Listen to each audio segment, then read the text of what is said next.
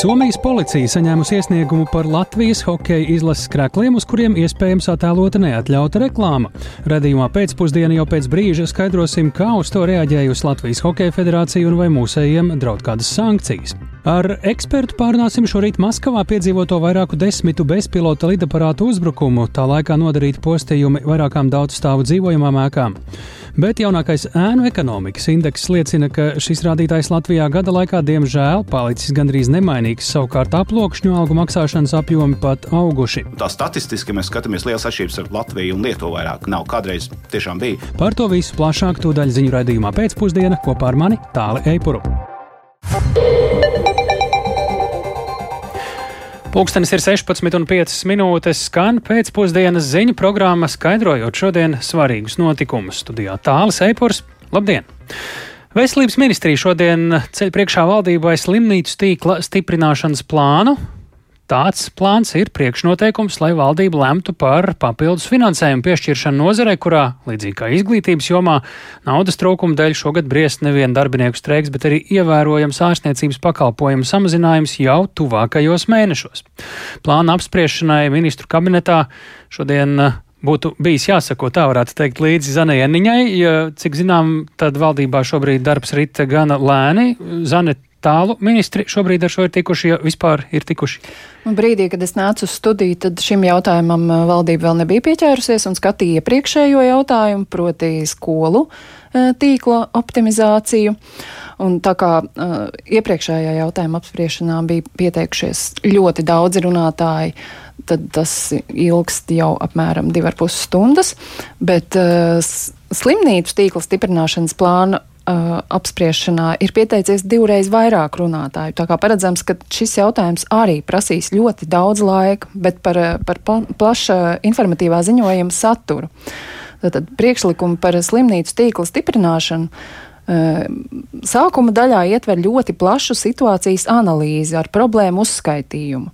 Slimnīcās trūkst speciālistu, piemēram, akūti nepietiek ķirurgu, taču samazinās arī iedzīvotāju skaits. Tā kā nelielās slimnīcās līdz ar to samazinās pacientu, pacientu plūsma, Tas savukārt nozīmē, ka speciālistiem samazinās praktizēšanās iespējas, un tas savukārt nozīmē potenciāli zemākas kvalitātes ārstēšanu nākotnē. Latvijā trūkst arī ģimenes ārstu. Eh, prakšu skaits gadu no gada sarūk. 35% jeb ne, gandrīz 440 ģimenes ārstu šogad ir sasnieguši pensionēšanās vecumu un varētu pieņemt lēmumu par līguma attiecību pārtraukšanu ar Nacionālo veselības dienestu. Tu tālu varētu man jautāt, kāpēc par primāro aprūpi ir runa slimnīcu stiprināšanas plānā. Hmm. Taču jāpaskaidro, ka gadījumā, ja ģimenes ārsts nav pieejams, pacientā piet šo posmu, kurā teorētiski būtu jānotiek eh, smagāk slimu pacientu atsijāšanai no netik smagiem, un tā nu cilvēki vai nu neiet pie ārsta vispār un savas kaitas ielaiž, vai arī taisnā ceļā dodas uz slimnīcu, un abos gadījumos eh, palielinās slimnīcas noslodze, no kuras varētu izvairīties, ja ģimenes ārsti būtu sasniedzami. Jāteic, ka darbinieku trūkums kā būtiska, pat ja ne būtiskākā problēma, caurīja visu situācijas analīzi.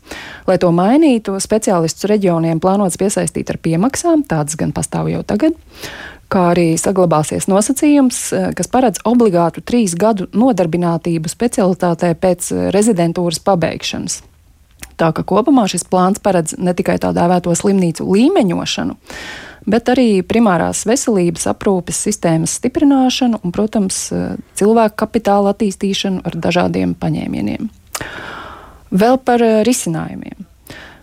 Lai slimnīcu tīklu padarītu efektīvāku un pacienta ceļu līdz tam saprotamāku un īsāku, eh, Veselības ministrija paredz noteikt obligāti nodrošināmo veselības aprūpas pakalpojumu profilus slimnīcām, eh, lai stacionārie veselības aprūpas pakalpojumi būtu pieejami saņemami atbilstošajā vietā un laikā. Slimnīcas sistēma, tāpat kā līdz šim, būs uh, piecu līmeņu sistēma, kur piektais būs visaugstākais līmenis. Šādās slimnīcās, kā nu, Kliniskās universitātes slimnīcas, kā Strādiņa slimnīca, Austrumu slimnīca, Bērnu slimnīca, veiks viskomplicētāko, sarežģītāko ārstēšanu. Bet pirmā līmeņa slimnīcās, piemēram, Bauskas, Ludzas, Saldus slimnīcās, būs pamata pakalpojumi tikai terapijā un akūtajā rehabilitācijā. Paredzēts arī, ka mm, par, ka arī otrā un trešā līmeņa slimnīcās tomēr būs pieejams anesteziologs, reanim, reanimatologs nepārtraukti 24 stundas diennaktī visu nedēļu par ko iepriekš bija izskanējis, ka plāna projektā šāds speciālists šāda līmeņa slimnīcās nebūs pieejams, un tas izraisīja neapmierinātību un neizpratni gan ārstu, gan pacientu vidū. Un vēl veselības ministrija mm, plānā paredzējusi noteikt arī vienotas prasības cilvēku resursiem, materiāla-tehniskajiem mm, materiāla nodrošinājumam un kvalitātes kritērijus slimnīcu pakalpojumu pamat, pamata profiliem. Piemēram, cik ārstu un māsu jābūt eh, atbilstīgi attiecīgā līmeņa slimnīcā plānotajam gultu skaitam, cik daudz gultām jābūt uz vienu ārstu speciālistu.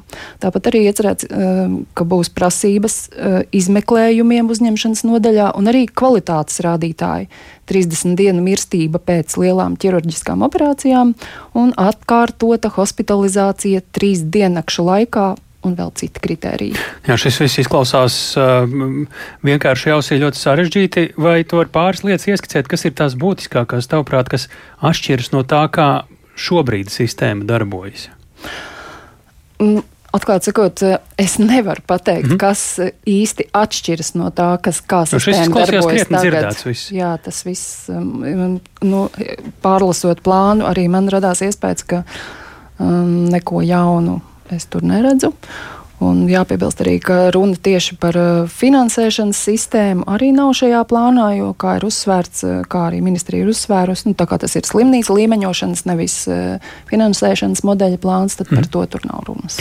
Paldies, sakām Zanieniņai, un šobrīd mēs arī gaidām, kad no valdības mums atnāks ziņas par to, cik tālu un kādā virzienā ir iets ar skolu tīkla tālākajiem plāniem, eh, bet ne tikai slimnīcu, bet arī skolu tīklu eh, šodien valdības darba kārtībā eh, varētu varbūt pat ļoti būtiski vai satraucoši neapspriest, ja vien mēs visi maksātu nodokļus, jo tad tam visam pietik naudas. Tā saka ēnu ekonomikas apkarošanas speciālisti. Diemžēl ēnu ekonomika Latvijā saglabājas nemainīgi augsta. Pērn tā bijusi 26,5% apmērā no iekšzemes koprodukta, un tas ir tikai par 0,1% punktu mazāk nekā gadu iepriekš. Tā liecina jaunākais Stokholmas ekonomikas augstskolas Rīgā ēnu ekonomikas indeks Baltijas valstīs. Diemžēl par 1,2% ir audzis aploksņu algu īpatsvars, sasniedzot 25%, un tas ir augstākais rādītājs aizvadītajos desmit gados Latvijā. Kā šorīt programmā Labrīt kolēģim Laurim Zvejniekam sacīja Rīgas ekonomikas augstskolas profesors un ilgspējīga biznesa centra direktors Ārnis Sauka, būtiskāk ēnu ekonomika ir mazinājusies Igaunijā, savukārt Lietuvā konstatēts ēnu ekonomikas pieaugums. Nosacīti labā ziņa ir tā, ka nu, tā statistiski mēs skatāmies liels atšķirības ar Latviju un Lietuvu vairāk. Nav kādreiz tiešām bija. Igaunijā gan ēna ekonomika turpina joprojām mazināties, un tā plaisa starp Latviju, Lietuvu un Igauniju lielā mērā paliek lielāka. Ko Igaunija dara savādāk? Es domāju, ka primāri ir jautājums, ko mēs nedarām, lai ēna ekonomika mazinātos, jo ēna ekonomika konstanti ir liela no 2016. gada. Tas jau arī uzdod jautājumu, jā, kāpēc. Mēs arī redzam, ka aploksņa algas ir joprojām lielākā komponente, tieši 25% pēc mūsu aplēsēm. Bet ko tad uzņēmēji saka, ko viņi gribētu? Uzņēmēji parasti maksā vai nemaksā vairāk nodokļus, ja viņi tic, ka eh, šie nodokļu maksājumi nauda iet tur, kur viņai jāiet. Te it kā no vienas puses mēs varētu teikt, nu būtu vairāk naudas, mēs varētu ieguldīt vairāk veselībā, zinātnē, vēl kaut kur, bet tā pārliecība uzņēmēju vidū, ko mēs redzam, ne pirmo gadu, nu nav, ja, kad tā nauda būs vairāk, viņi tiešām efektīvāk aizies. Un tas ir konstanti viens no argumentiem, kas ir. Otra lieta - apmierinātība ar dažādām valsts institūcijām.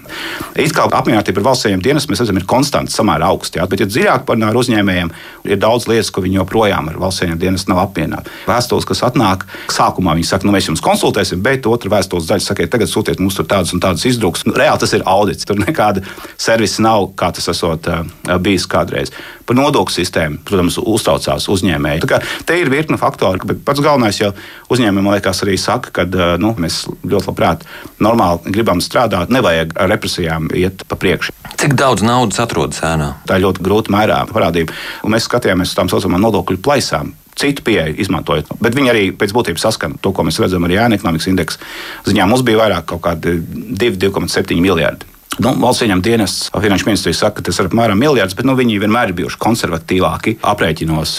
Kādu efektu šī nauda rada tā silta ekonomiku, veicina inflāciju? Tad, kad mēs runājam par ēnu ekonomiku, mēs runājam par reģistrētiem uzņēmumiem, kas nodarbojas ar legāliem pakalpojumiem. Un pat ja viena daļa viņi izvairās. Pilnīgi negatīvi tas nav. Un skaidrs, ka viena daļa šīs naudas ir apritē, un viņi arī silda ekonomiku, nodrošina ar ekonomikas attīstību. Protams, problēma ir tas ilgstoši notiek, un tā kļūst par normu. Viena daļa uzņēmējs saka, ka tā jau ir kļuvusi norma, un, un tāpēc arī, kad labāk paliek, ja darītos nodokļus nemaksās. Un tas ir tas negatīvais. Ja valsts kaut ko sāk darīt lietas labāk, pēc cik ilga perioda mēs redzētu uzlabojumus šajā ēnu ekonomikas indeksā? Ja tādā kompleksā veidā ieviest pasākumus, paši rādīt labu piemēru, pirmo varbūt to rezultātu varētu gaidīt apmēram nu, pēc diviem, varbūt mazliet vairāk gadiem, un tur mēs varētu runāt par 3, 4, 5 procentiem no ēna ekonomikas lejā. Nu, pēc tam jau tas kritums būtu droši vien mazāks.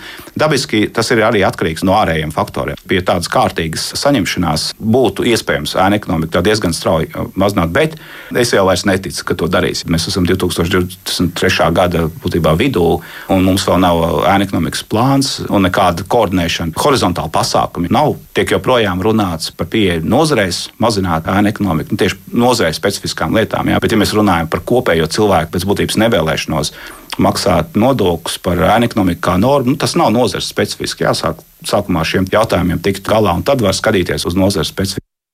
Tā Arnis Sauka, Rīgas ekonomikas augstskolas profesors un ilgspējīga biznesa centra direktors, bet jā, ne tikai slimnīcu iepriekš apspriestais jautājums, bet arī skolu tīkls šodien valdības darba kārtībā. Un Ilgspējīgs un efektīvs skolu tīkls, lūk, ar šādu moto šodien ministru kabineta sēdē savu uzstāšanos sāka izglītības ministra Anda Čakša no jaunās vienotības, nododot atklātībai skolu reformas plānu. Tas vismaz nākamajiem desmit gadiem noteikti Latvijas izglītības karti. Ministre rosināja, ka pirmo līdz sasto klašu, jeb sākuma skolas līmenī skolu tīklu varētu veidot pašvaldība, bet par 7. un 12. klašu grupas izglītību brīvas rokas jādod valstī. Izglītības kvalitāti gan joprojām visos līmeņos uzraudzītu tieši valsts. Vairāk par šodien diskutēto Ievas Puķes sižetām. Visu ziemu paralēli spriedzēja par izglītības nozares arotbiedrības streika prasībām. Ministrija dzina uz priekšu arī skolu tīkla optimizācijas plānu, vedinot domāt, ka tas būs gatavs jau līdz māja beigām, bet dzīvē realizēsies no 1. septembra. Tas nav noticis. Nākamajā mācību gadā, vismaz no ministrijas viedokļa, vēl viss paliks pa vecam. Pārmaiņas skolu tīklu varētu skārt 2024. un 2025. mācību gadā. Žurnālistiem pirms šodienas ministru kabineta sēdes preses konferencē atzina ministra Čakša, iezīmējot standartus skolu optimizācijai. Pirmā būtiskā lieta - pārējot uh, no vienkārši pašvaldību formas uz bērnu blīvumu uh, teritorijā. Tādā veidā gan saglabājot pierobežas uh, statusu, gan tajā papildus iekļaujot uh, teritorijas, kur ir ļoti zems bērnu blīvums. Otra lieta - aizgājām prom no skolēna, skolotāju proporcijas, jeb attiecības, pārējot uz to, ka mērķis, lai mēs piepildītu skolotāju kapacitāti, ir vismaz 80% piepildīta darba diena. Noteicām pieejamības kritērijus, sadalot tātad bērnus pēc vecuma grupas 1, 6 Eh, nosakot eh, ne tālāk, vai ne ilgāku laiku par 40 minūtēm, kas ir pavadītas ceļā.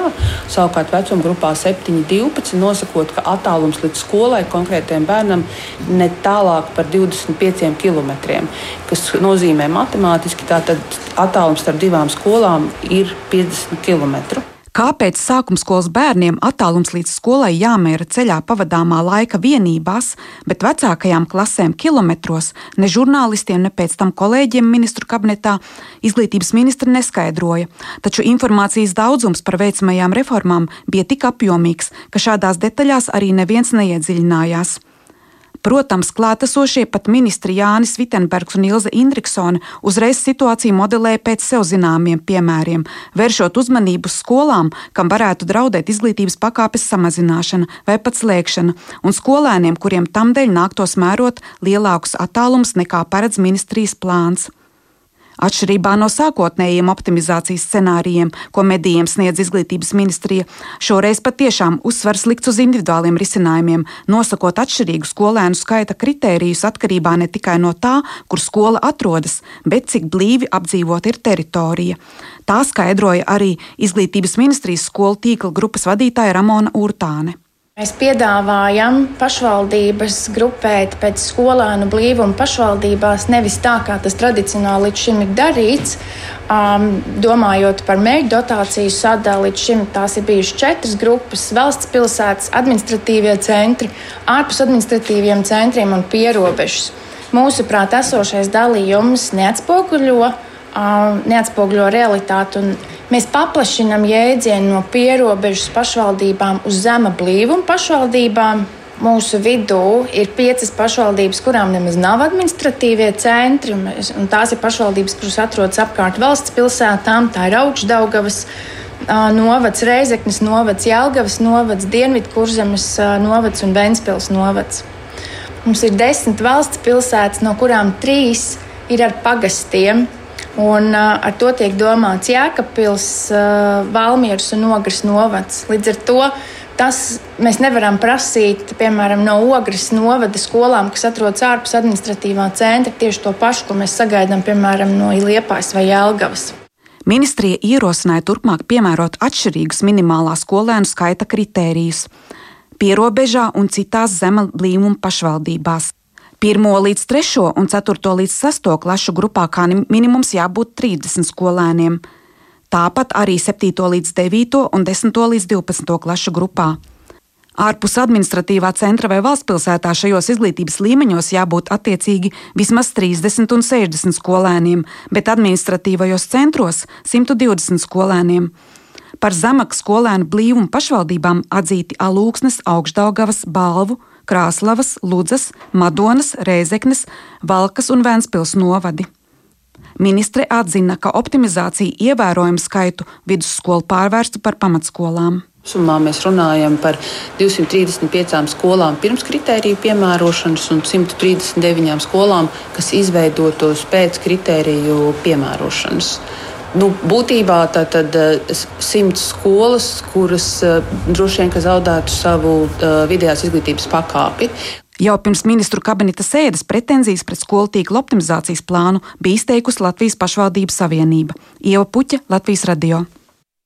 Jā, un tikko no valdības mājas saņēmām ziņu, ka jaunais skolu reforma plāns tur ir ieņemts, taču jau tagad ir skaidrs, ka par to diskusijas vēl turpināsies. Pārceļamies uz startautiskiem notikumiem. Šorīt agresoru valsts Krievijas galvaspilsētā Maskavā un tās apkārtnē noticis vēl nebijuši apmēru bezpilota lidaparātu uzbrukums. Saziņas lietotnes telegram kanāli ziņo, ka šorīt Maskavā un Piemaskavā notriekti vairāki desmiti dronu. Savukārt Krievijas aizsardzības ministrija apgalvo, ka dronu skaits, notriekto dronu skaits ir bijis mazāks. Maskavas varas iestādes tikmēr ir paziņojuši, ka uzbrukumā vairākām ēkām nodarīti nelieli postījumi. Ziņo Rustams Šukurovs. Kā vēsta telekanāls Karantime, Maskavā viens drons ir trāpījis kādā 16 stāvu dzīvojamā mājā. Triecienā cietušo nav, taču mājas iedzīvotājus nācās evakuēt. Tika nodarīti postījumi mājas fasādē un stiklojumam. Vēl viens bezpilota lidaparāts ir trāpījis kādā 24 stāvu dzīvojamā ēkā, kas atrodas tā dēvētā jaunās Maskavas rajonā. Tāpat ziņots, ka vienā no prestižiem Maskavas rajoniem, Leņņņskī prospekt, drons ielidojis kādas ēkas 14. stāvu dzīvokļa logos. Drons esot bijis aprīkots ar trim sprādzienu bīstamām ierīcēm. Maskavas mērs Sergejs Sabjaņins paziņoja, ka incidentu vietās darbojās operatīvie dienesti. Sabjaņins arī atzīmēja, ka uzbrukumā neviens cilvēks nav nopietni ievainots, sakot, ka pēc medicīnas medicīniskās palīdzības vērsušies divi cilvēki. Piemaskavas rajonos debesīs arī bija redzami bezpilota lidaparāti, kā arī bija dzirdami sprādzieni. Kā vēsta laikraksts Novaja Gazeta, Maskavas apgabala gubernators Andrejs Vorobjovs paziņojis, ka vairāki bezpilota lidaparāti notriekti tuvojoties Maskavai. Viņš norādīja, ka no rīta dažu reģiona rajonu iedzīvotāji varēja dzirdēt sprādzienu skaņas, ko radījusi pretgaisa aizsardzības sistēma. Savukārt Krievijas aizsardzības ministrija paziņoja, ka Maskavai un Piemaskavai uzbrukuši astoņi bezpilota lidaparāti. Trīs, kas atradās Maskavas administratīvajā teritorijā, tika apturēti ar elektroniskā kara ieročiem. Vēl piecus bezpilota lidaparātus Maskavas apgabala administratīvajā teritorijā notriekusi pretgaisa raķešu sistēma. Krievijas aizsardzības resurs notikušajā uzbrukumā vainoja Ukrainu, plašāku informāciju nesniedzot. Tikmēr Ukrainas prezidenta biroja vadītāja padomnieks Mihailo Podoļaks Breakfast Show raidījuma ēterā komentējot bezpilota lidaparātu uzbrukumu Maskavai un Maskavas apgabalam norādīja, ka Ukrainai un Ukraiņiem daudz lielākas bažas sagādā Krievijas bezpilota lidaparātu uzbrukumi Ukrainas teritorijai, jo īpaši Kīvai. Kīvai, kas tiek pakļauta uzbrukumiem gandrīz katru dienu. Вот все люди, которые почему-то считают, что могут играть в одностороннюю игру. Да, Visi tie cilvēki, kuri uzskatīja, ka var spēlēt vienos vārtos, ka būs iespējams pilnīgi nesodīti iznīcināt citu suverēnu valsti, pēc 15 mēnešiem viņi nesaprot, ka vairs neatkārtosies 2014. gads, nebūs līguma parakstīšanas par atdalīšanas līnijām, nebūs bravūras, ar kuru viņi stāstīja, ka viņi noliks visu pasauli uz ceļiem un tā tālāk. Tas nenotiks. Katrs no viņiem atbildēs pilnā apmērā. Jāpiebilst, ka pagājušajā naktī Krievija īstenoja jau 17. masveida dronu uzbrukumu Ukrainas galvaspilsētai mēneša laikā. Uzlidojumi ilga gandrīz 3 stundas. Uzbrukumā Kīvai piedalījās 31 bezpilota lidaparāts. Ukrainas pretgaisa aizsardzības sistēmām izdevies notriekt 29 no tiem. Rustams Šukurovs, Latvijas Rādio. Šobrīd esam sazinājušies ar ģeopolitikas pētījuma centra direktoru Vidzemes augstskolas prorektoru Māri Anģānu. Labdien!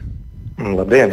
Sāksim ar to, pēc kā jums izskatās. Tas ir mazliet spekulatīvi, bet te pašā laikā varbūt arī nemaz netik, kurš šādam uzbrukumam varētu būt autors un kam tāds uzbrukums varētu būt izdevīgs vai kādi mērķi ar to varētu būt sasniegti. Nu, nav tikai vienīgi Ukraina. Tas ir skaidrs. Nav citu spēlētāju, kas varētu šādu veidu operāciju gribētu veikti. Tur nav nekādu jautājumu. Arī Padoļaka izteikumi tur skaidri ironija. Viņi piezīmēs par to, ka ar prieku vēro notiekošo, ka būs vēl tāda uzbrukuma, bet ka Ukrainā nav nekādas saistības. Nu, tas de facto nozīmē, ka ir. Kas tas ir par signālu? Signāls, tas, kas arī sižetā izskanēja, nu, ka hm, tā nav vienvirziena spēle, ka tu darīsi pāri citam un tev pāri nedarīs. Nu, tas teiciens, vai ne? Nedara citam to, kas tev pašam nepatīk. Karš ienāk arī Krievijā.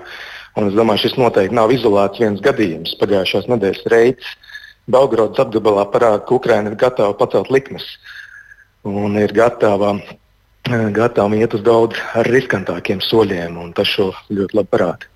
Kāpēc šāda veida uh, stratēģija vai taktika, uh, taktika drīzāk, uh, jo kādas stratēģijas ietvaros tā varētu jautāt, jo nu, skaidrs, ka ar uh, dažiem desmitiem dronu nekādu radikālu pavērsienu militāri nevar panākt, vairāk varbūt uh, cilvēku prātos. Uh, kā jūs redzat, uh, kā, kādas uh, kopējā stāsta uh, detaļas šis ir? Nu, šeit noteikti ir atriebība par nesenajiem triecieniem pa Kijovu, pa citām pilsētām Ukrainā eh, un arī Krievijas sabiedrības iebiedēšana, mēģinājums tomēr nu, mainīt domas. Es domāju, nu, tajā ziņā tas ir naivi. Diez vai kaut kas Krievijā radikāli mainīsies. Eh, drīzāk pat te var runāt par to, ka Krievi izmantos eh, šos uzbrukumus, lai tiešām stāstītu, jā, ka Krievija saskarās ar draudiem, ka tie nāk no Ukrainas un NATO kopumā. Uh, Un, un tāpat arī Krievijai varētu būt vieglāk um, nu, Āfrikā, citos reģionos pamatot, ka tā patiešām ir nu, saka, bijis upuris agresijai, lai arī cik tas uh, dīvaini neizklausītos. Es domāju, Ukrāņi arī ļoti labi to apzinās, ka tas ir miets ar diviem galiem, bet es domāju, ka viņi ir labi izreikinājuši, ka iegūmi tomēr ir lielāki. Tie iegūmi varētu būt beigās? Uh, nu, pirmkārt, uh, Krievija tiek pazemota.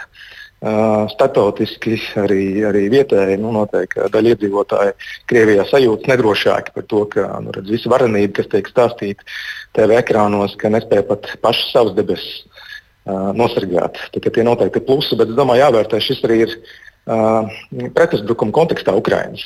Domāju, Ukraiņi ļoti rūpīgi pieturās pie sundzī mācībām.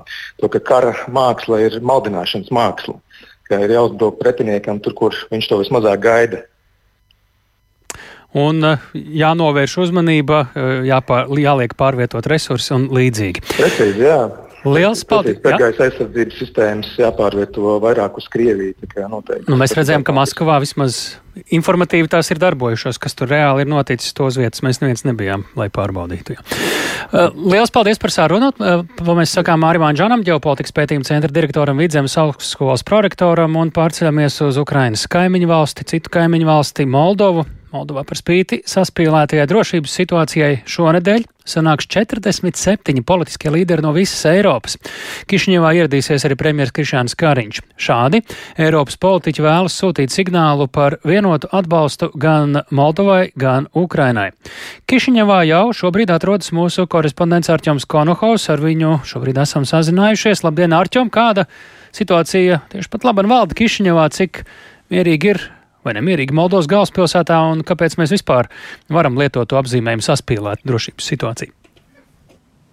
Jā, labdien, tālu, labdien, klausītāji. Tik tiešām Moldova šobrīd pastiprināti gatavojas šim lielajam notikumam, un tiešām drošība kļūst arvien nozīmīgāka, un drošības pasākumi kļūst arvien stingrāki, un arī tiek atzīts, ka tiešām tas ir liels izaicinājums uztaisīt tik nopietnu pasākumu, it sevišķi valstī, kur vēl nesen tika runāts par valsts apvērsuma draudiem, un ka šie, šis valsts apvērsums tika gatavots no oligarhiem ar prokrieviskām interesēm, un valstī, kas ir pakļauta, kā arī atzīst valdība, hibrīda kara elementiem visu laiku. Tad līdz ar to mēs gaidām, ka tuvākajā laikā situācija būs, būs slēgta daudz ceļi, būs ļoti ierobežota arī dažādu iestāžu darbību un arī uzņēmumu darbību pilsētas centrā. Tā kā tiešām šeit būs tāda pamatīga ierobežojuma, kas man zināmā mērā atgādina to, kā Rīgā tika uh, sagaidīts NATO samits savulaik, kad arī ļoti daudz kas no vecpilsētas, piemēram, tika slēgts slēgts. Tā kā līdzīga pasākuma, bet tomēr pats fakts, ka šeit šie līderi ierodas, jau liecina, ka tomēr situācija tiek pietiekami veiksmīgi kontrolēta. Kāds signāls ar jums šis ir uh, šis Eiropas līderu samits Moldovā uh, un kam tas tiek sūtīts? Neapšaubām, ka tas ir politisks signāls, šo līderu ierašanās ir ļoti nozīmīgs signāls, un neoficiāli tiek atzīts, ka tas ir signāls Maskavai. Jau ģime, šis ģimenes foto, ja, kur sanāk 47 līderi Moldovā, Ukrainas eh, pierobežā valstī, kur, eh, kur vēl nesen Maskava, mm, kā apgalvo valdība, ir mēģinājusi destabilizēt, tas pats par sevi ir pietiekami nopietns signāls par vienotību un arī par turpmāko atbalstu. Un, un, protams, arī, ka Kišiņov vēlas šādi parādīt, ka viņi ir gatavi un apņēmības pilni iestāties arī Eiropas Savienībā, vai vismaz uzsākt šo ceļu, un par to, to atbalsta arī, piemēram, Latvija un mūsu premjeras Krišjāns Kariņš. Paklausīsimies! Nenoliedzami skatoties uz notikumiem Ukrainā un domājot par reģionu drošību, nu, Ukraina un Moldova ir saliekami kopā. Mums ir svarīgi, ka abi virzās gan uz Eiropas Savienību, gan arī uz NATO ar mērķi, lai tad, kad karš būs beidzies uh, Ukrainā, Krievijas karš, uh, kad Krievi vairs neuzdrīkstētos un nevarētu vairs censties uzbrukt, jo viņi jau būtu daļa no mūsu kopējām teiksim, no drošības aliansēm. Tad mērķis ir panākt, ka līdz gada beigām tomēr tiek uzsāktas iestāšanās sarunas oficiālās gan ar Moldovu, gan ar Ukrainu. Bet, protams, mēs zinām arī no Latvijas pieredzes, ka tas ir ilgstošs process un reformas, kas būs jāizpilda, tās būs pietiekami sarežģītas. Un te ir arī jārunā par Eiropas Savienības gatavību uzņemt jaunas valstis, un pirms tam visticamāk būs nepieciešamas kādas reformas, lai uzlabotu lēmumu pieņemšanas procesu Eiropas Savienībā. Tas ir daudz gadu projekts, bet šobrīd, protams, ir būtiski tas, ka Moldova vēlas sūtīt signālu un Eiropas pārējās valstis šķiet ir gatavas atbalstīt. Tāli. Paldies Arķimam Konohovam, ziņojot no Moldovas Kišņevas tur. 47 politiskie Eiropas līderi eh, šajā nedēļā eh, sanāks eh, uz vienotas sanāksmes, bet mēs turpinām ar hokeja drudzi, kurš Latvijā savā ziņā vēl atbalsojas pietiekami skaļi. Somijas policija ir saņēmusi iesniegumu par Latvijas hokeja izlases krēkliem, uz kuriem attēlot sporta bāra reklāma. To Somu laikrakstam Iltelekti ir apstiprinājis policijas krimināla lietu komisārs. Vēl nekāda lēmuma nav pieņemti. Somijā nu, loterija likums nosaka, ka tikai viens uzņēmums, veikaus, Somijā drīkst piedāvāt slēgt sporta likmes un arī reklamēt šādu darbību. Citiem tas ir aizliegts. Radījums pēcpusdienā sazinājās ar Latvijas Hokeja federācijas ģenerālsekretāru Robertu Pļāvēju, vaicājot, vai federācija ir saņēmusi ne tikai no mēdījiem šādu ziņu, bet arī kādu oficiālu informāciju vai varbūt jau jautājums no Somijas iestādēm. No oficiālās puses nav zināms nekas precīzi tieši tik daudz, cik rakstīts mēdījos. Šobrīd kāda ir jūsu reakcija iekšējā, vai jūs esat domājuši, ko šajā lietā var darīt? Mēs šobrīd noteikti nogaidīsim, skatīsimies, kā situācija attīstās, bet es domāju, ka mēs visi esam ar tīru sirdsapziņu. Te ir noteikti jāmin, ka Olubets sportbārs ir uzņēmums, ēdināšanas uzņēmums, viens no lielākajiem nodokļu maksātājiem Latvijā, kas nodarbojas ar sporta bāriem. Un Olibets sporta bāra mājaslapa nekādā veidā nenodrošina iespēju veikt likmes uz sporta spēlēm. Tā kā es domāju, ka mums nav īsti par ko satraukties, bet nu, gaidīsim oficiāli, ko Somija puse teiks vai neteiks. Iespējams, ka tā situācijas nebūs nekā.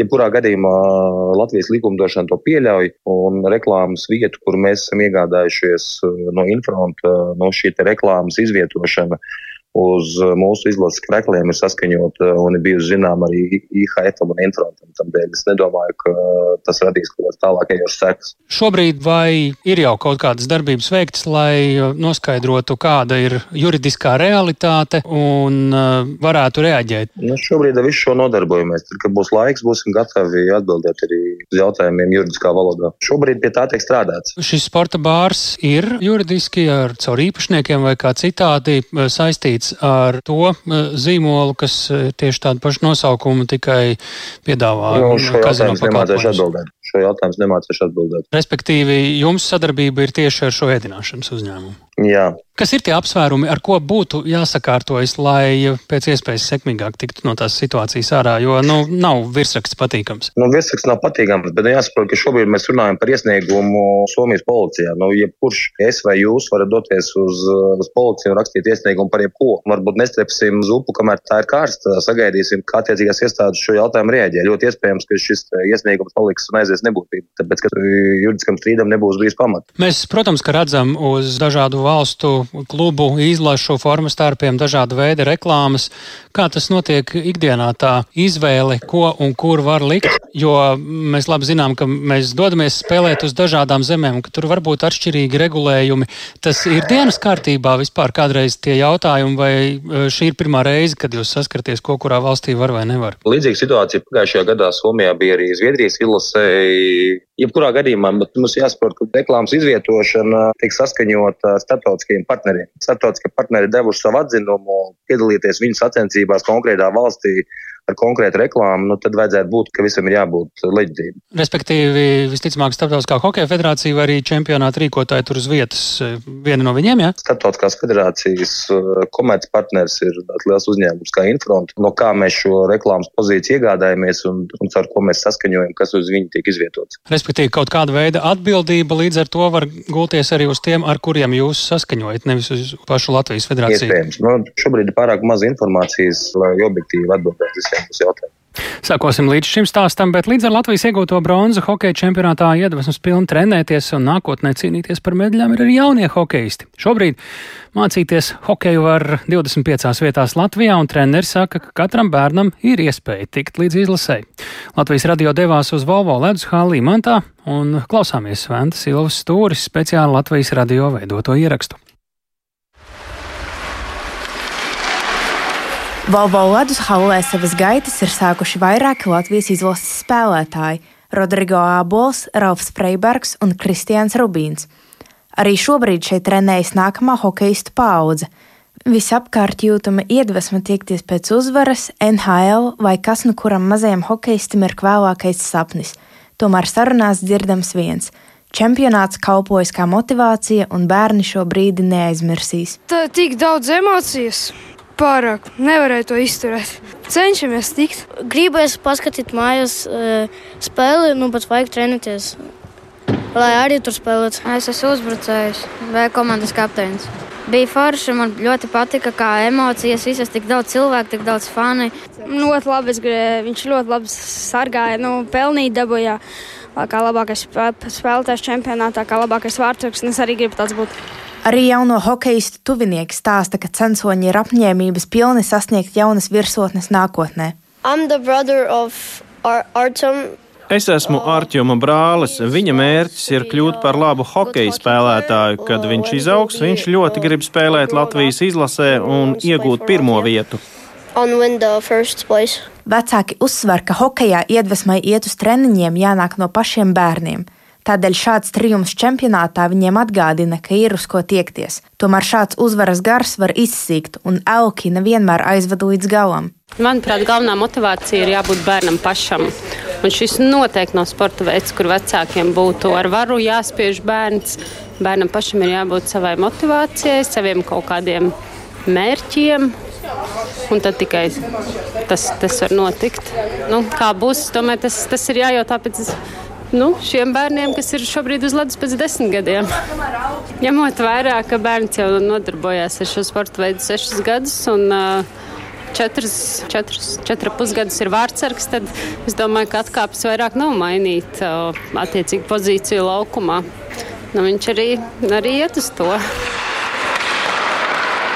Latvijas televīzijas kolēģi pirms diviem gadiem aprēķinājuši, ka hokeja prieks mazam bērnam sezonā var sasniegt pat 3000 eiro. Treniņi izmaksā ap 150 eiro mēnesī. Bērnam pieaugot, izmaksas sasniedz 10 000 eiro. Valsts finansējumu saņem tikai pašvaldības hokeja skolas, un Latvijas Hokeja federācija cenšas sportu padarīt lētāku visiem, kompensējot daļu ledus īres izmaksu. Ventīls stūris speciāli Latvijas rādio. No Hāles imantā uz ķēngaraga pusi pārceļamies Uz ķēngaraga zemās grīdas tramvaju Rīgā šodien sāks pārbūvēt septītā tramvaja līniju. Sākot no centrāla tirgus, vairāku kilometru garumā, līdz gada beigām paredzēts pārbūvēt sliedes un 30 pieturu vietas. Par projektu atbildīgie saka, ka būvdarbi visu veidu transportu un gājēju kustību būtiski neietekmēs. Vairāk par to mums šeit studijā ir gatavs pastāstīt kolēģis Viktors Demīdovs. Sveiki, Viktor! Mēs zinām, ka septītais tramvajs brauc pa vietām, kas nu nav ar ļoti intensīvu satiksmi, vai arī brauc blakus tā nevis tieši skarot to, ja neskait varbūt dažus krustojumus, ar ko tad šo būdaru laikā ir jārēķinās iedzīvotājiem, un kad tad uz ķengaragu varēs aizbraukt ar ērtākajiem zemās grīdas tramvajiem? Mm, sveicināti! Jā, tātad Rīgas centrā no šodienas ir par vēl vienu būvlaukumu vairāk, un tātad blakus centrāla tirgumu, kur jau vairākus mēnešus apkārtnī pielāgots Elstra projektam Rail Baltica, šodien sāka demontēt septītā tramvaja līnijas vecās sliedes un konstrukcijas. Un Pagaidām darbi norit 300 metrus garā posmā no Maskavas ielas sākuma līdz Turģēņeva ielai, bet līdz šī gada beigām paredzēts atjaunot visu līniju. 7,2 km garo ceļu plānot sadalīt četros posmos un uh, tramvaja kustību saglabājot. Tas nozīmē, ka kādā posmā tramvaja, tramvajs brauks pa vienu pusi, tad pa otru. Un uh, Rīgas satiksmē prognozē, ka sabiedriskais transports tādējādi kavēsies tikai nu, minimāli. Un, ja būs kaut kādi lieli aizkavējumi, tad um, jautājumi risināšot. Atbildīgi arī norāda, ka gājēju kustību šie būs būvdarbi neietekmēs, vai arī pareizāk sakot, ietekmēs minimāli. Un turpina vairāk par to stāstīt būvniecības uzņēmuma Binders projektu vadītājs Ainārs Karlsons. Noteikti, būs pagaidu pieturvietas. Tas nozīmē, ka uz pieturvietas būs plakātiņš, ka pieturvieta slēgta, pārcelta 50 metrus turp vai atpakaļ.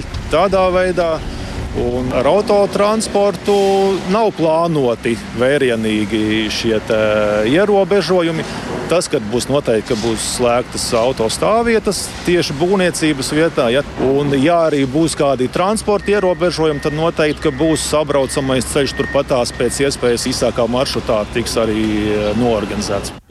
Jā, un savukārt, ja mēs runājam par projektu izmaksām, tad tie ir 22,5 miljoni eiro, no kuriem tad ievērojami lielāko daļu, jeb 85% eh, sedz eh, Eiropas Savienība. Rīgas satiksmē sola, ka līdz gada beigām 7. tramvaja maršrutā būs uzlabota vides pieejamība, tātad mātēm ar bērniem un ratiņiem, cilvēkiem ar kustību traucējumiem un ar invaliditāti nokļūt galamērķī būs ērtāk. Un tādā veidā uzņēmums paredz, ka pasažieru skaits pieaugs un par projektu, mm, projektu ieguvumiem vairāk stāsta Rīgas satiksmes valdes loceklis Jānis Golubevs. Tas viss kopumā radīs ļoti skaistu, vizuālu, ērtu un uh, pievilcīgu 7. tramvaja līniju visā garumā. Segumi tiks mainīti, atsevišķās vietās bruģis jauns, zālāji, zaļumi sastādīti Daugopils ielas krustojums ar Maskavas ielas krustojumu vispār tiks pārvērsts. Nu, viņu nevarēs atpazīt, kāds viņš ir šodien un kāds viņš būs nākotnē. Mums jau ir vizualizācijas, kāda mēs to redzam, un jācer vienkārši uz projekta ļoti sekmīgu rezultātu. Tur šobrīd cilvēki nesaprot, kur ir jāiet kājām, kur ir jābrauc ar mašīnu. Tur tiks sakārtots ļoti skaisti visiem saprotamā veidā, lai šis krustojums nebūtu bīstams, bet būtu ērti izmantojams visiem. Jā, un tad, kad tas būs pirmais tramvajs, nu, Rīgas satiksmē man teica, septītais tramvajs. Septītais tramvajs, jā. jā, un tad man Rīgas satiksmē teica, ka, nu, ap Ziemassvētkiem ir tas mērķis palaist, nu, tādu sava veida Ziemassvētku dāvanu sarūpēt pilsētas, pilsētas iedzīvotājiem, bet ja tas netiks īstenots, tad nākamā gada sākumā noteikti. Un šajā maršrutā gaidāmas vēl ne, nelielas, vēl būtiskas, teiksim, tā izmaiņas. Par tām izstāstīsim vēlāk. Jā, tad, Paldies, protams, Viktoram Damidovam. Mēs sakām paldies, ka klausījāties ziņu raidījumu pēcpusdienu. To šodien veidoja Tāls Eipurs, Ilza Aginta, arī Kaspars Groskops, Katrīna Bramberga. Šo raidījumu pavisam noteikti varat meklēt arī Latvijas radio mobilajā lietotnē un raidierakstu platformās. Tur droši varat vai nu noklausīties to, ko nedzirdējāt, vai padalīties ar citiem. Mēs tiekamies rīt kā katru darbienu pēc ziņām 4 un 5.